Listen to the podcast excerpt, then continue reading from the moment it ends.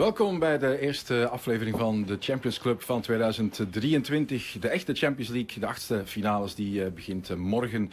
En gaat een uh, maand of zo wat door met die achtste finales. Het is ruim drie maanden geleden door het WK dat we Champions League hebben gehad. Dus misschien even een kleine reminder. Waar gaat het om en wat zijn de affiches van de volgende weken? Morgen beginnen we eraan. Uh, die achtste finales dus, zoals gezegd, verspreid over een uh, maand. Paris Saint-Germain tegen Bayern München. Al heel interessant. Ook Milan en Tottenham spelen morgen. Woensdag ontvangt Club Brugge Benfica en uh, is er Dortmund tegen Chelsea.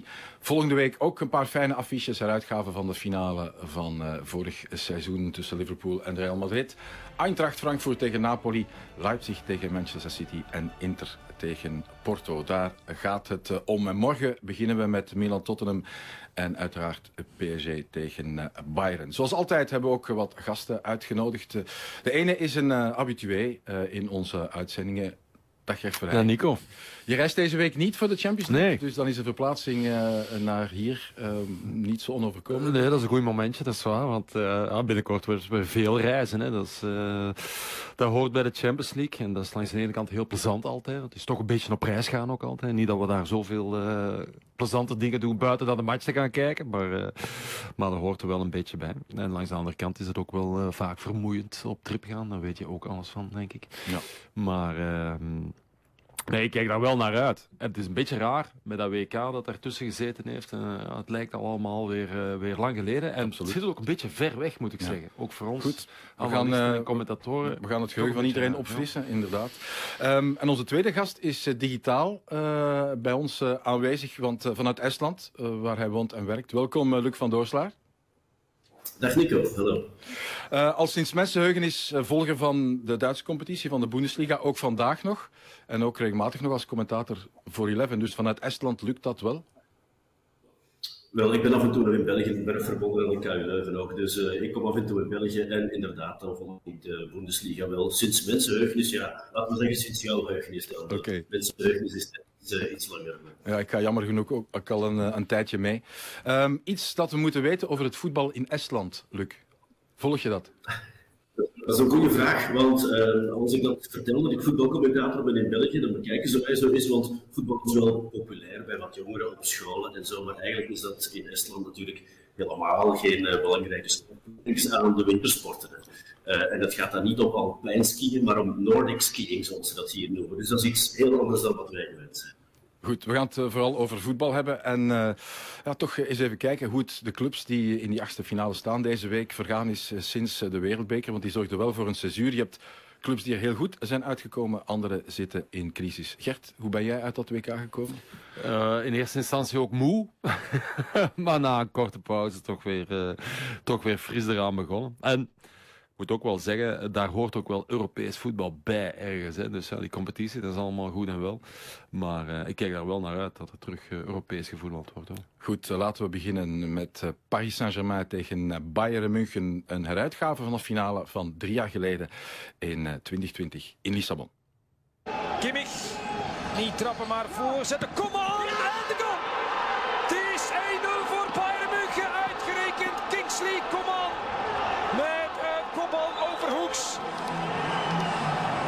Is uit de fles, de kop is eraf. Bayern heeft gescoord. Een Parijzenaar brengt PSG in de problemen. Kingsley Coman die besliste de finale van drie jaar geleden al ondertussen. Twee seizoenen geleden was Paris Saint-Germain Bayern een kwartfinale en uh, won Paris Saint-Germain. Vandaag treffen ze elkaar al in de achtste finale. Um, Luc, um, Bayern haalde 18 op 18 in de groepsfase als enige het maximum van de punten. 18 goals gemaakt, 2 tegen. Maar uh, waar we toch benieuwd naar zijn, hoe gaat het met Bayern sinds de winterstop? Want die heeft in Duitsland natuurlijk wat langer geduurd. Ze zijn daar pas sinds eind januari opnieuw bezig. Ja, dat is zo. Wel, het gaat met Bayern met, met ups en downs, moet ik zeggen. Er is veel over geschreven dat ze de eerste drie wedstrijden van dit jaar niet gewonnen hebben. Dat is al heel wat. Het was dan drie keer gelijk. Ze hebben ook niet verloren. Maar er is de voorbije dagen ook veel geschreven over PSG. Daar gaat het niet goed enzovoort. Wel, bij Bayern zijn ze ook heel zelfkritisch hoor. Eigenlijk gaan ze er ook vanuit dat, dat ze misschien helemaal niet klaar zijn voor die achtste finale, op dat allerhoogste niveau. Ze hebben in het weekend gewonnen van Bochum met 3-0. Dat lijken dan droge, simpele cijfers. Maar ze waren heel zelfkritisch. Ja, bijvoorbeeld ook Nagelsman, die allemaal zeggen, ja, met dit niveau kunnen we PSG niet aan. Dus wat dat betreft zijn ze absoluut niet uh, zelfverzekerd. Ja, er zijn een paar afwezigen. Neuer ontbreekt. Dan moeten ze uh, rekenen op, op uh, een 34-jarige Zwitser, Sommer in de goal. Ehm, je hebt nog een paar belangrijke afwezigen. Hernandez, om, er, om er eentje te, te, te noemen. Sadio Mané nog altijd niet uh, terug. Um, is het feit dat Kingsley Coman, beslissen in die finale drie jaar geleden, ook weer aan de oppervlakte komt en nu aan het scoren is, toch een belangrijk gegeven? Ja, uh, aan de oppervlakte komt is, is goed gezegd, denk ik. En dat is heel recent hoor, want hij zit nog geregeld op de bank. Hij is zeker niet op zijn uh, hoogste niveau. En dat is een beetje het probleem met meer van hen. Ze zijn ook wisselvallig. Uh, Gnabry wisselt geweldige momenten af met momenten waarop hij nauwelijks wat doet en dan ook op de, bank uh, verzeild uh, geraakt. En um, dat is het aanvallende compartiment. Ik denk vooral dat het defensieve compartiment het grootste probleem is. Want ze slikken heel wat goals. Natuurlijk scoort Bayern ook veel. Maar zelfs tegen ja, geen top tegenstanders. Ik denk aan wat tegen Wolfsburg anderhalve week geleden. Toen ze met 1-4 voorstonden. En dan slikken ze toch weer twee goals. Gelukkig voor wordt de tweede dan afgekeurd om uh, ja, bedenkelijke redenen. Maar ze slikken veel te makkelijk goals. En het feit dat ze daar achterin geen Hernandez hebben, zoals je gezegd hebt, vind ik persoonlijk misschien de, de meest stabiele verdediger. Dat maakt een groot verschil. Geen Hernandez, geen Masraoui, uh, allebei. En dus de licht is natuurlijk goed, uh, Upamecano is goed, en toch is die interactie niet altijd heel overtuigend. Dus er zijn nogal wat werkpunten bij Bayern. Ze geraken daar niet echt uit. En ze denken vaak terug aan wat er vorig jaar gebeurde natuurlijk. Ook toen waren ze voor de winterstop heel erg goed. Ook in de Champions League. Nu ook weer perfect eigenlijk. Maar nadien kreeg uh, uh, Nagelsman die ploeg niet meer helemaal op de rails. En ja, sommigen vrezen dat zich ongeveer hetzelfde zal worden dit seizoen. Dus jij ziet Bayern ook niet heel ver komen? Um in deze Champions League, los van wat er gebeurt tegen Paris Saint-Germain? Uh, ja, dat is al belangrijk wat er gebeurt tegen Paris Saint-Germain. Want als ze daar niet uh, overheen geraken, dan zullen ze sowieso niet, niet ver komen. Uh, ik weet het niet. Sommigen hebben die twijfels. Natuurlijk, Bayern heeft meer dan voldoende talent om dat allemaal van zich af te schudden. En opnieuw op dat niveau te gaan spelen zoals ze voor de winterstop bij moment gespeeld hebben. Dat kan. Maar het is de hele tijd zoeken ernaar. Op sommige momenten denk je van, het is er weer maar dan is het na een kwartier weer weg. Dus die stabiliteit is er zeker nog niet. En je voelt ook wel de, de nervositeit in de club bij de spelers, zeker ook bij Nagelsman, omdat hij dat vorig jaar al, al meegemaakt heeft. En Bayern is er nu al twee keer uitgegaan in de kwartfinales. Ja, dat vinden ze natuurlijk te vroeg. Stel dat het nu al in de achtste finales zou zijn, dat past niet bij de standing van de club. Oké, um, nog één ding. Um, mist Bayern een spits van wereldniveau? Choupo-Moting die, uh, moet het, die moet het dit seizoen doen en doet dat eigenlijk heel goed. Hè. 13 goals in 21 wedstrijden, alle competities samen. Dat is uh, ver van slecht voor een, een, man die nummer 2 of nummer 3 was de afgelopen jaren. Ja, dat is, uh, als je mij zou vragen naar de, de positieve punten van Bayern, dan zou ik Choupo-Moting daarbij zetten. Want natuurlijk denk je van als Lewandowski weg is, Oké, Mané, een heel ander type speler, moest dat voor een stukje opvangen. Mané was tot dusver geen succes, is nu ook weer lange tijd uh, oud. Het is onduidelijk wanneer die kan terugkomen. Maar eigenlijk hebben ze veel dingen geprobeerd met Mané in de spits, de achter, aan de buitenkanten. En het was uh, nooit echt een succes. Motting doet het, uh, ja, is degene die duidelijk het dichtst aanleunt bij Lewandowski. Scoort veel, is heel nuttig in de manier waarop hij werkt, waarop hij ook assists uitdeelt. Dus hij is nu ook even ziek geweest. Ik hoop voor Bayern dat hij helemaal in orde is. Want op dit moment is hij eigenlijk onvervangbaar. Als hij er niet is, dan neemt Thomas Muller die positie in. Maar ja, is dan ook weer geen diepe spits natuurlijk.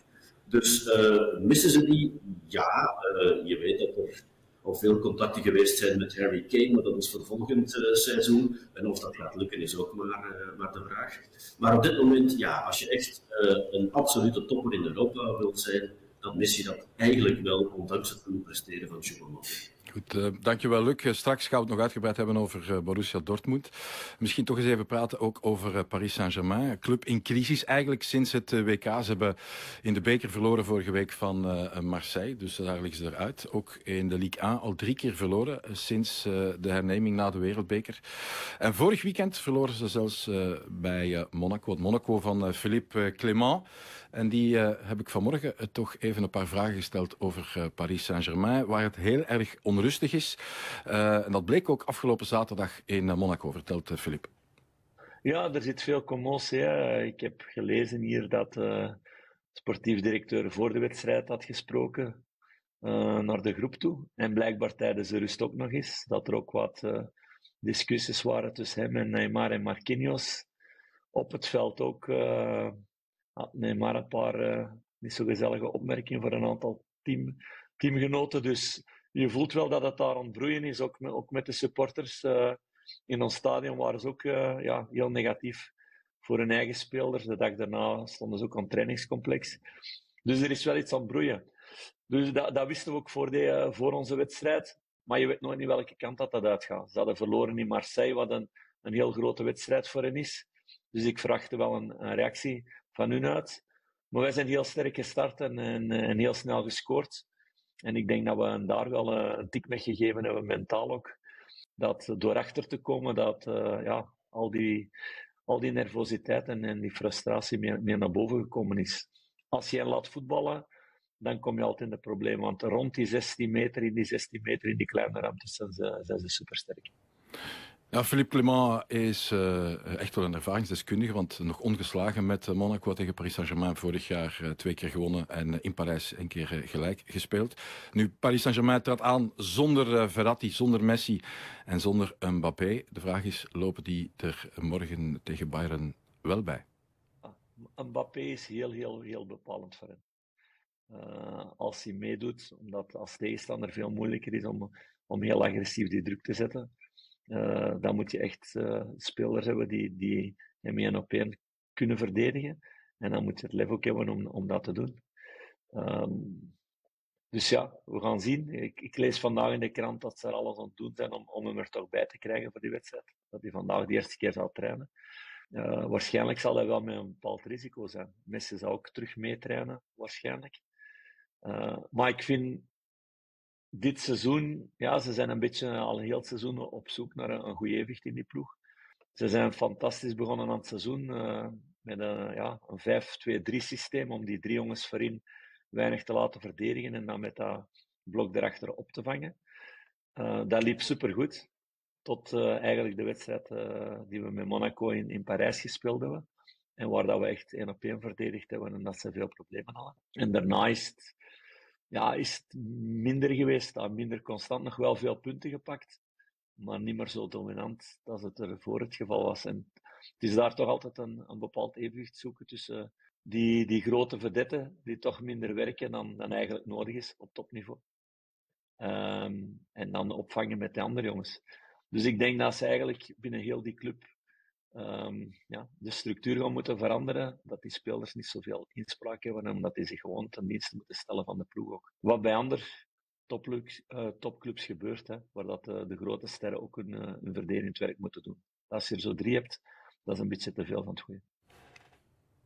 Dat is een uh, probleem dat wij ook al vaak hebben aangekaart, uh, Gert, bij uh, Paris Saint-Germain. Het probleem dat elke trainer die daar terechtkomt moet zien op te lossen. Um, was het ook veel betekenend dat Paris Saint-Germain geen groepswinnaar werd? Op de valreep maakte Benfica zes goals tegen, tegen Haifa. En ging Paris Saint-Germain niet door tegen Juventus. Nee. Dat is ook typisch. Ja, ik moet zeggen, ik heb in die groep uh, de meeste matchen wel gezien ook. Alleen die tegen Haifa niet, dat vond ik niet interessant genoeg. Maar van Benfica was ik twee keer uh, aanwezig ook.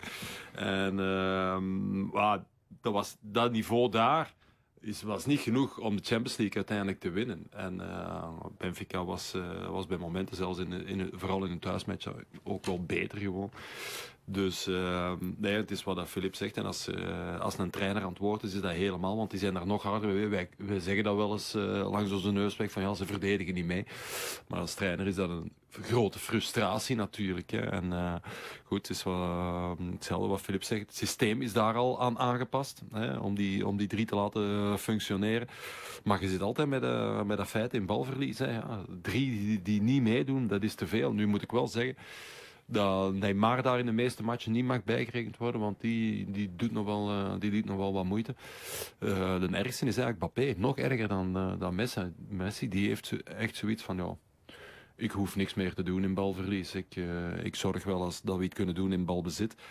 En dan natuurlijk, nu is er wat commotie en onrust. Die was er eigenlijk voor nieuwjaar ook al, omwille van Mbappé en een paar, een paar rare uitspraken van hem over eventueel dan toch nog willen vertrekken en zo. Oké, heeft dat allemaal wel ontkend, maar dat maakt dat het daar eigenlijk nooit echt rustig is, uh, Nico. Maar dat is ook wel eigen aan uh, Parijs, denk ik. Ja, absoluut. Uh, Paris Saint-Germain ging er vorig seizoen uit in de achtste finales tegen Real Madrid. Dat was ook een, een verrassing toen. Bayern haalde de kwartfinales, Luc gaf het al aan, en verloor uiteindelijk van Villarreal bij de laatste acht. Goed, we gaan naar Milan tegen Tottenham. Milan, ja, een ploeg in crisis. zeven wedstrijden zonder overwinning, alle competities samen verloren in de beker, de Supercup verloren. En vrijdag dan uiteindelijk toch opnieuw gewonnen. 1-0 tegen uh, Torino, maar ze zijn afgezakt van plaats 2 naar plaats 5 in de Serie A. Ja, dat, is, nee, dat is ook geen goed rapport. Helemaal, uh, helemaal weggezakt. En als je ze ziet spelen uh, tegen Torino, Torino komt daar spelen en is gewoon baas en ik op hun veld. Hè. Dus dat is gewoon, ja, die lijken het helemaal kwijt te zijn. En dan mochten ze nog blij zijn dat, dat Giroud een fantastische voorzet binnenkomt van, van Hernandez. Um, waardoor ze de match winnen. Maar het had eigenlijk weer een match kunnen zijn die ze, die ze niet gewonnen hadden en, en eventueel hadden, hadden kunnen verliezen. Uh, het samenspel, het uh, in elkaar boksen van aanvallen, dat is er allemaal niet bij. Er zit heel veel afval in hun spel. Zoals ik zeg, ze lijken het uh, helemaal kwijt. En op den duur begint dat ook op je gemoed te werken natuurlijk. Je ziet daar weinig zelfvertrouwen, weinig spelers die echt die echt de bal willen, die echt de bal vragen. Dus nee, dat, is echt, dat begint echt problematisch te worden. Van de Belgen kwam alleen uh, Alexis Salemakers aan uh, de aftrap. Hij zit er natuurlijk al het langst. Um, de ketelaar en Origi mochten uh, invallen. Um, we hebben een reportage um, die we morgen uitzenden met en over Alexis Salemakers. En in die reportage had hij het onder meer over Charles de Ketelaar. Charles, comme c'était le premier arrivé, tu commences à rentrer dans l'équipe. Et que tu passes dans des moments d'un peu moins, euh, un peu moins bien, où tu es un peu moins bien personnellement, c'est vrai que directement, comme c'est un grand club, un grand club comme l'AC Milan, les supporters, ils te veulent à ton, à ton meilleur, à ton max au, quotidien. Donc, euh, donc ils commencent un peu à critiquer, mais je pense que voilà, euh, ça fait partie du job. Je me fais pas de tracas pour lui, c'est un excellent footballeur. Il, il a toutes les, cap les, capacités pour jouer au plus haut niveau. Donc je pense que petit à petit, il va faire, il va faire son chemin, il va prendre de l'assurance et euh, très prochainement, on reverra le grand Charles qu'on connaît nous en Belgique. Ja, Salemakers, uh, de man uh, die er al langs zit, die ook zijn tijd uh, heeft gekregen om het ja, te maken. Maar op een totaal maar geen 35 miljoen kost. Voilà, dat is het helemaal. En Nico, het binnenkomen in die club, hij was voor Milan dan een nobody die, die binnenkwam. Voor niet al te veel geld als we, als we over dat soort clubs spraken. En de ketelaar is binnengehaald. Dat is absoluut een toptransfer voor heel veel geld. Dat maakt een, uh, een levensgroot verschil natuurlijk. Omdat je uh, onder een vergrootglas komt te liggen. En als je dan niet presteert vanaf het eerste moment. En ook niet binnen het half jaar. Dan heb je een probleem. En, en ik vraag mij af of hij dat probleem in Milan zelf nog kan oplossen. Of hij het tij nog kan doen keren. Of dat er misschien een, uh, eerst een uitleenbeurt aan moet voorafgaan voor een beetje terug, okay. uh, terug op peil. Zover is het al, denk je? Ik denk dat wel, ja, eerlijk gezegd. Ja. ja. Ik denk dat wel. Ik denk dat dat niet zo gemakkelijk zal zijn. Je ziet dat ook een beetje. Dat is ook het verschil tussen de twee spelers. Uh, Salemakers is iemand die zich van niet te veel aantrekt. Hè? dus, uh, hij speelt zijn matchen en uh, daar zie je niet te veel aan. Altijd even enthousiast en uh, altijd met evenveel dynamiek. Zonder te willen zeggen dat hij altijd goed speelt. Maar goed. en Sharon is iemand waar dat het van af te lezen is. Hè? Dat, hij, dat hij ermee worstelt. Mm -hmm. En dat hij op de een of andere manier misschien ook wel ongelukkig is. Ongelukkig over zijn eigen prestaties. Dat is, dat is bij hem merkbaar. Dat is zichtbaar. En ehm, dat is geen goed idee. Ik herinner mij ook een, een wedstrijd. Ik weet nu niet meer de welke dat was. Waar hij op een gegeven moment niet meeviert met een doelpunt van ploegmaats. dat is ook kwalijk, denk ik. Dat mag je ook niet doen. Maar dat wil zeggen, heel hard met zichzelf bezig en met zichzelf aan het worstelen. Kan jij voorspellen wat het wordt tussen Milan en Tottenham? Want Tottenham redelijk consistent. Vierde voor de Wereldbeker, vandaag vijfde in de Premier League. Mhm. Ze winnen wel van Man City, maar gaan dan afgelopen weekend de boot in tegen Leicester. Ja. Nee, uh, afgelopen weekend niet goed. Hè. Ik vond Leicester was, was, uh, ja, was veel enthousiaster en was veel dynamischer, was veel agressiever. En daar hadden zij problemen mee. Begonnen nog wel goed aan de match. Um, dan nog wel, maar daarna was het ook niks meer. Hè. Nog nauwelijks een doelpoging uh, na het eerste kwartier. Dus dat was ook helemaal niet goed. Dus ik zou, ik zou durven zeggen, uh, overlopen van het grote vertrouwen doet geen een van de twee. Um, maar goed, bij Conte weten we dat altijd wel. Zij spelen veel, veel matchen en je zegt van ja, ze zijn niet echt beter. En vaak ook met, met minder balbezit zijn ze toch in staat om, uh, om matchen te winnen ook. Um, maar ik zou zeggen voor de twee, uh, niveau opkrikken toch. Ja. Ja.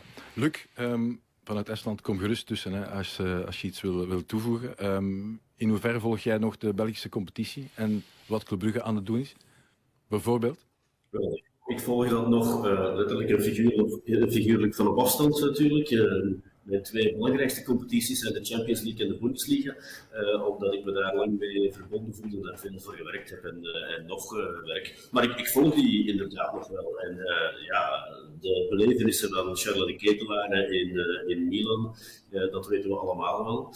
Um, en wat Gert net vertelt over Tottenham, ja, ik krijg al die dingen nog wel, nog wel mee. En ik vind ook dat ja, natuurlijk een, een, wedstrijd die een niveau lager staat als affiche in vergelijking met PSG tegen Bayern. Maar het blijft wel een heel boeiend affiche.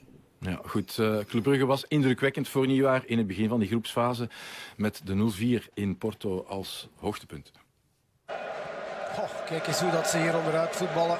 En nog eens Noosa diepsturen, diepsturen liever. Daar is Noosa nog voor de 0-4. Jawel! Noosa zet de kroon alsnog op het werk Club Brugge. Een vier prestatie met vier doelpunten. Eén Dragao. Geweldige avond voor Blauw-Zwart. Geweldige avond voor het Belgische voetbal. Ja, en uh, de speeldag erop ook een uh, geweldige 0-0 tegen Atletico met, uh, niet voor het eerst en niet voor het laatst, Simon Minolet als uitblinker. Carrasco, daar is het. En daar is... Oh, oh! Met een mirakel! Met een mirakel! Morata denkt, ik heb hem gepakt en Mignolet zit met zijn aangezicht. Of toch met de linkerhand. Nee, dit is niet meer normaal, Mignolet. Kijk eens. En niet te missen kans voor Morata vol op zijn gezicht. Ja, het lijkt al heel lang uh, geleden. Um, het verval leek toen al een beetje ingezet. De club begon met 9 op 9, Gert. Dan 2 op 9, wel die kwalificatie. Um, uiteindelijk is die dalende lijn nog niet omgekeerd. Hè. Uh, nee. Eén zege in negen wedstrijden sinds Qatar sinds de wereldbeker. Nee, er is heel veel veranderd. Hè. Het is wat je zegt, het lijkt, als je die beelden ziet, dat lijkt een eeuwigheid geleden. Dat is het, dat is het eigenlijk niet. Maar dan zie je maar hoe snel het kan in voetbal en bij vormcurve natuurlijk. Uh, maar ook bij personeelsbezetting. Hè. Als je ziet wie dat daar uh, uiteindelijk uitblinkers waren allemaal in, uh, in die matchen. En als je hun huidige vorm daarnaast ligt, dan is dat een levensgroot verschil. Uh, en er staat ook een andere trainer langs de kant ondertussen. Hè. Ja, Iemand inderdaad. die iets bewerkstelligd heeft, wat, uh, wat dat uh, in de clubgeschiedenis nog niet gebeurd was. Maar een maand later ligt het buiten. Ja. Um, we zijn ook langs geweest bij Michel Perdom op Tenerife, waar hij tegenwoordig woont en, en veel golft. Um, en we hebben hem ook gevraagd naar de kansen van Club Brugge tegen Benfica. En hier praat hij over de nieuwe coach, over Scott Parker. Parker, je connais pas très bien. Je n'ai pas vu non plus beaucoup de matchs les derniers temps. Euh, normalement, je regarde souvent Bruges et Standard, mais bon, les derniers temps, j'ai moins regardé. Euh, ce que je vois de l'extérieur, c'est qu'il est en train, à mon avis, de remettre une stabilité défensive dans l'équipe. Il la cherche en tout cas. Il la cherche parce que au fur et à mesure des années, ça s'est un peu effrité. Bruges donnait un peu trop d'occasions. Bruges était, bon c'est bien d'être offensif, dominant, etc. C'est ce qu'on voulait tous toujours. Mais il y a quand même à certains moments, ce qui faisait très bien en Europe, il ne le faisait plus en Belgique. Ja, het is toch opvallend dat hij zegt dat dat uh, een tendens is van de afgelopen jaren. Dat Club Brugge te veel kansen weggaf en dat Scott Parker bezig is met het zoeken naar defensieve stabiliteit. Zeker naar, uh, naar organisatie uh, zonder bal. Daar is al heel hard aan gewerkt. Dat is ook zichtbaar in een match, uh, vind ik. Maar daar staat tegenover dat het aan de bal ja, een pak minder is natuurlijk. En daar zitten als trainer ook een beetje overgeleverd, Nico, aan de vorm van uw spelers. Hè. En aan de improvisatie en, en, de, en de ingevingen van het moment. En er bestaat wel zoiets als wel, aanvallende patronen oefenen, dat is allemaal waar. Maar toch, het moment zelf van de, van de speler aan de bal beslist vaak of er effectief een goal uit, volgt of, eh, of, een grote kans. Dus uh, nee, dat is, dat is een volgende stap. En die volgende stap wordt genomen door het zelfvertrouwen van spelers. Hè. Niet alleen maar door patronen te oefenen hè, op training. En zelfvertrouwen komt door winnen. Ja. En resultaten halen. En voorlopig zijn die er niet. Dan is een 1-1 tegen Union misschien wel hoopgevend. Goed, um, de vraag is... Maakt Club Brugge een kans tegen Benfica? Uh, moesten mij dat onmiddellijk na de groepsfase gevraagd hebben, dan zou ik zeggen uh, 0%. Allee, 1%. Omdat je altijd een kans maakt in, in voetbal natuurlijk. Maar ik zeg het, wij hebben samen met Peter hebben veel Benfica gevolgd. En uh, waren absoluut fan. Ik vind dat misschien samen met Napoli het team dat, uh, dat er echt bovenuit stak. Dat, dat, dat boven verwachting heeft gepresteerd ook. En daarom verwacht ik, ik, ik vind ergens zo mijn gevoel nu van, van oké, de traditionele uh, clubs die de laatste jaren al die Champions Leagues hebben gewonnen. Uh, maar ik zou er niet van verschieten, moest dat een verrassing zijn. En dan zou daar Benfica wel eens kunnen bijhoren. Napoli reken ik daar ook bij. Ja, want ze staan nog altijd aan de leiding in Portugal. Vijf punten meer dan Porto. Ja. 16 op 18 in de competitie. Alleen verloren van Braga sinds Braga, het WK. Zij zijn nog altijd in vorm, hè? Ondanks de verkoop ondertussen van uh, de man van 120 miljoen, ja. Enzo Fernandes. Ja. Aderlating? Uh, ja, een aderlating. Ja, ze spelen dan nu met, met Chiquinho. Uh, dat is niet helemaal hetzelfde natuurlijk. Um, of dat dat echt een impact gaat hebben op heel dat team, misschien wel een beetje. Dat zou kunnen. Maar niet genoeg om nee, tegen Club Brugge zodanig te verzwakken dat? Nee, dat vind ik niet. Uh, wat hij wel ver, uh, verpersoonlijkte, en dat zit in heel dat team ingebakken, dat is fantastisch goed aan de bal. Uh, allemaal. Heel veel techniek en talent en, en beweging. en, en in balverlies ongelooflijk hard werken. Hè. Die, ik heb altijd gezegd, die mannen trekken er overal aan, eens de bal kwijt. En dan wordt daar heel, heel hard voor elkaar gestreden. En gestreden om de bal terug te heroveren. Dat doen ze fantastisch goed ik vond hen uh, bij uitstek de, de, de ploeg die het leukst was om naar te kijken in heel die, uh, heel die groepsfase. Ja. Plus natuurlijk, je krijgt in Benfica een sfeer. Uh, Nico, er zijn een paar plaatsen waar ik graag kom. Benfica hoort daar absoluut bij. Met de Adelaars. Ja absoluut. Oké, okay, goed. Um, ik begrijp uh, Club Brugge kansloos tegen Benfica. Goed, ze spelen eerst thuis. Wordt misschien nog anders.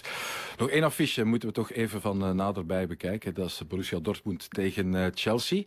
Dortmund, misschien wel de ploeg in vorm in de Bundesliga. Net als Union Berlin 15 op 15 sinds de winterstop in Duitsland. Van plaats 6 naar plaats 3 in de Bundesliga. Op drie punten van leider Bayern.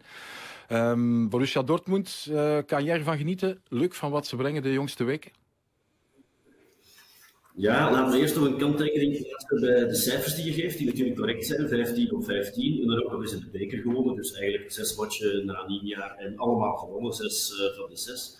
Dat klinkt bijzonder indrukwekkend. Nu, ik heb verschillende van die matchen live uh, gedaan ik was lang niet altijd onder de indruk eigenlijk. Uh, hoe vreemd dat ook klinkt voor een ploeg die dan 18 op 18 uh, eh, haalt. Die eerste matchen die ze speelden na nieuwjaar, ja, die wonnen ze dan met 4-3 of met 2-1. Maar dan niet tegen topploegen, tegen Augsburg of Mainz. En soms met echt veel geluk, zoals in Mainz, waar ze, met 2-1 gingen, gingen winnen. Het is de laatste weken wat beter gegaan. Er komt eindelijk wat structuur in. Ik heb verschillende keren gezegd in die eerste matchen van januari en februari want kijk, Terzic is een, uh, een, coach die met heel veel motivatie kan, kan werken. En die spelers uh, echt klaar kan maken voor een match. Maar dat werkt natuurlijk uh, vaak niet op langere termijn.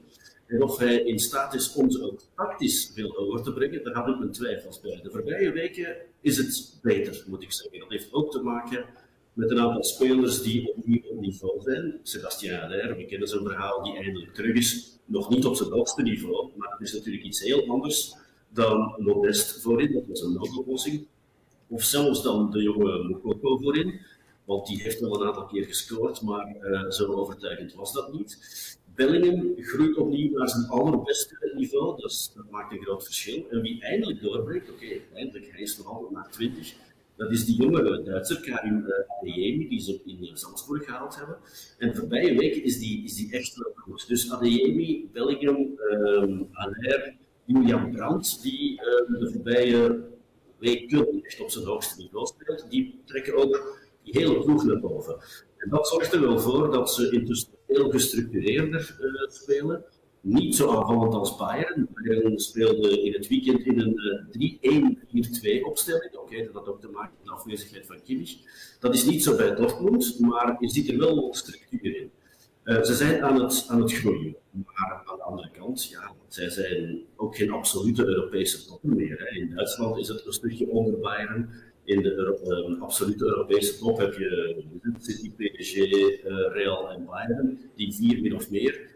En Dortmund zit daar nog een, stuk onder. Hè. Dat merk je aan het budget, dat merk je aan de spelerswaarde, dat merk je aan het feit dat ze een opleiding voor de allerbeste jongeren geworden zijn, maar die moeten dan naar een van die uh. Dus die verschillen um, zijn er wel. En um, ik vrees een beetje voor Dortmund dat je dat ook gaat merken tegen Chelsea. Thomas Meunier heeft weer optreden gemaakt. Een minuutje ingevallen afgelopen weekend. Eerste minuut, ja, minuut moet ik zeggen, sinds oktober. Uh, na die jukbeenbreuk en die spiergeur, sp spierscheur liever. Ik denk niet dat we van hem al een, een hoofdrol mogen verwachten in uh, de dubbele confrontatie tegen Chelsea. Het is het, uh, het post-België-tijdperk intussen hè, bij, uh, bij Dortmund. Ja. Jarenlang met, met drie Belgen, maar eigenlijk Hazard, wat zeg ik, Hazard, ja, Hazard dit jaar deed niet meer mee. Witzel vorig seizoen was eigenlijk al niet goed genoeg, zat vaak op de bank. Dus dat die verdwenen zijn, dat is jammer voor ons, maar dat is niet onbegrijpelijk. Meunier is de enige die in de basis zou staan, maar dan ja, veel geblesseerd is geweest en ook lang niet altijd eerste keuze was. Hoor. Uh, gebruikt daar verschillende andere spelers op die rechtsachter. Bijvoorbeeld die Marius Wolf, die hij overal kan inzetten. Ze hebben nu die uh, Julian Diersson gehaald bij Union Berlin. Die speelt zowel links als rechts en speelt heel erg goed. Dus het is lang niet zeker dat we Meunier uh, veel te zien gaan krijgen de volgende weken en dus ook niet tegen Chelsea. Oké, um, benieuwd wat we van Chelsea moeten verwachten. Um, belachelijk veel geld uitgegeven. Dit jaar al ruim 600 miljoen, 300 miljoen alleen al in uh, januari, in de wintermercato. Uh, voorlopig is er geen beterschap. Um, 2 op 15. Uh, voor het WK, lek is misschien wel gedicht. Eén um, nederlaag in de laatste zeven wedstrijden in de Premier League, maar ook maar twee keer gewonnen. Ja. En ze scoren zo moeilijk. Nee, dat, dat helemaal. Hè. Goal maken. ja, één goal in de laatste drie matchen. Allerbelangrijkste in, in het voetbal natuurlijk. En uiteindelijk hebben ze daar Aubameyang voor gehaald, maar ja, die heeft het helemaal niet gedaan. En Havertz uh, kan in de spits spelen, maar, maar is, is geen, pure diepe spits. Dus uh, nee, dat blijft. Uh, je mag nog zoveel goede spelers bij elkaar zetten als je wil. Als je geen echte afwerker hebt, dan, dan blijft dat een probleem. Um, maar het is wel indrukwekkend wat ze allemaal gekocht hebben natuurlijk. Maar dat betekent ook, als je zoveel tegelijkertijd haalt, ja, je moet, het is eigenlijk een heel nieuw elftal hè, dat je hebt staan op den duur. Dus ja, dat, dat vraagt ook wel wat tijd van die jongens om elkaar te leren kennen natuurlijk. Ja. Glazen bol, wat dat duel betreft. Luc, Gert? Ik ga Luc eerst aan het woord laten. ik vind dat moeilijk in te schatten. Net bij Chelsea, omdat daar zoveel nieuwelingen zijn, uh, het moeilijk om, om sympathie voor Chelsea te hebben, want de ploeg die alleen maar met geld gooit, dat vind ik altijd lastig. Dan moet je al bijna een, een, een blinde fan zijn om daarin uh, in te geloven. Dus wat dat betreft hou ik meer van het model van Dortmund. Maar van het voetbal van Dortmund ben ik niet altijd overtuigd. Dus um, voorlopig zeg ik 50-50. Ik doe het uh, uh, voorzichtig. Goed, maar we zijn hier niet uh, om te voorspellen, of we hebben jullie niet uitgenodigd mm. om te voorspellen. Dat is ook wel het, ongeveer het moeilijkste wat er is in voetbal. Goed, ik denk dat we ongeveer klaar zijn. Luc, wanneer kunnen we jou opnieuw in België verwachten voor een paar Bundesliga-wedstrijden? binnenkort. eind deze maand doe ik al een paar wedstrijden opnieuw wanneer ik in België ben. Oké, okay. dankjewel in elk geval om... Um, even met ons voor te beschouwen, vooral op die, die Duitse clubs. Um, Gert, je kijkt er naar uit. Uh, naar welke wedstrijd vooral? Uh, ja, morgen uh, uit, uiteraard naar PSG Bayern. En dan Club Benfica ter plaatse. Ja, dat is Jan Breidel. speciaal. Oké, okay, goed. Dankjewel Gert, dankjewel Luc. u bedankt voor het kijken of luisteren. En morgen en overmorgen beginnen we eraan aan de eerste achtste finales. Volgende week is er een nieuwe aflevering van de Champions Club. Eh, graag tot dan. Dag.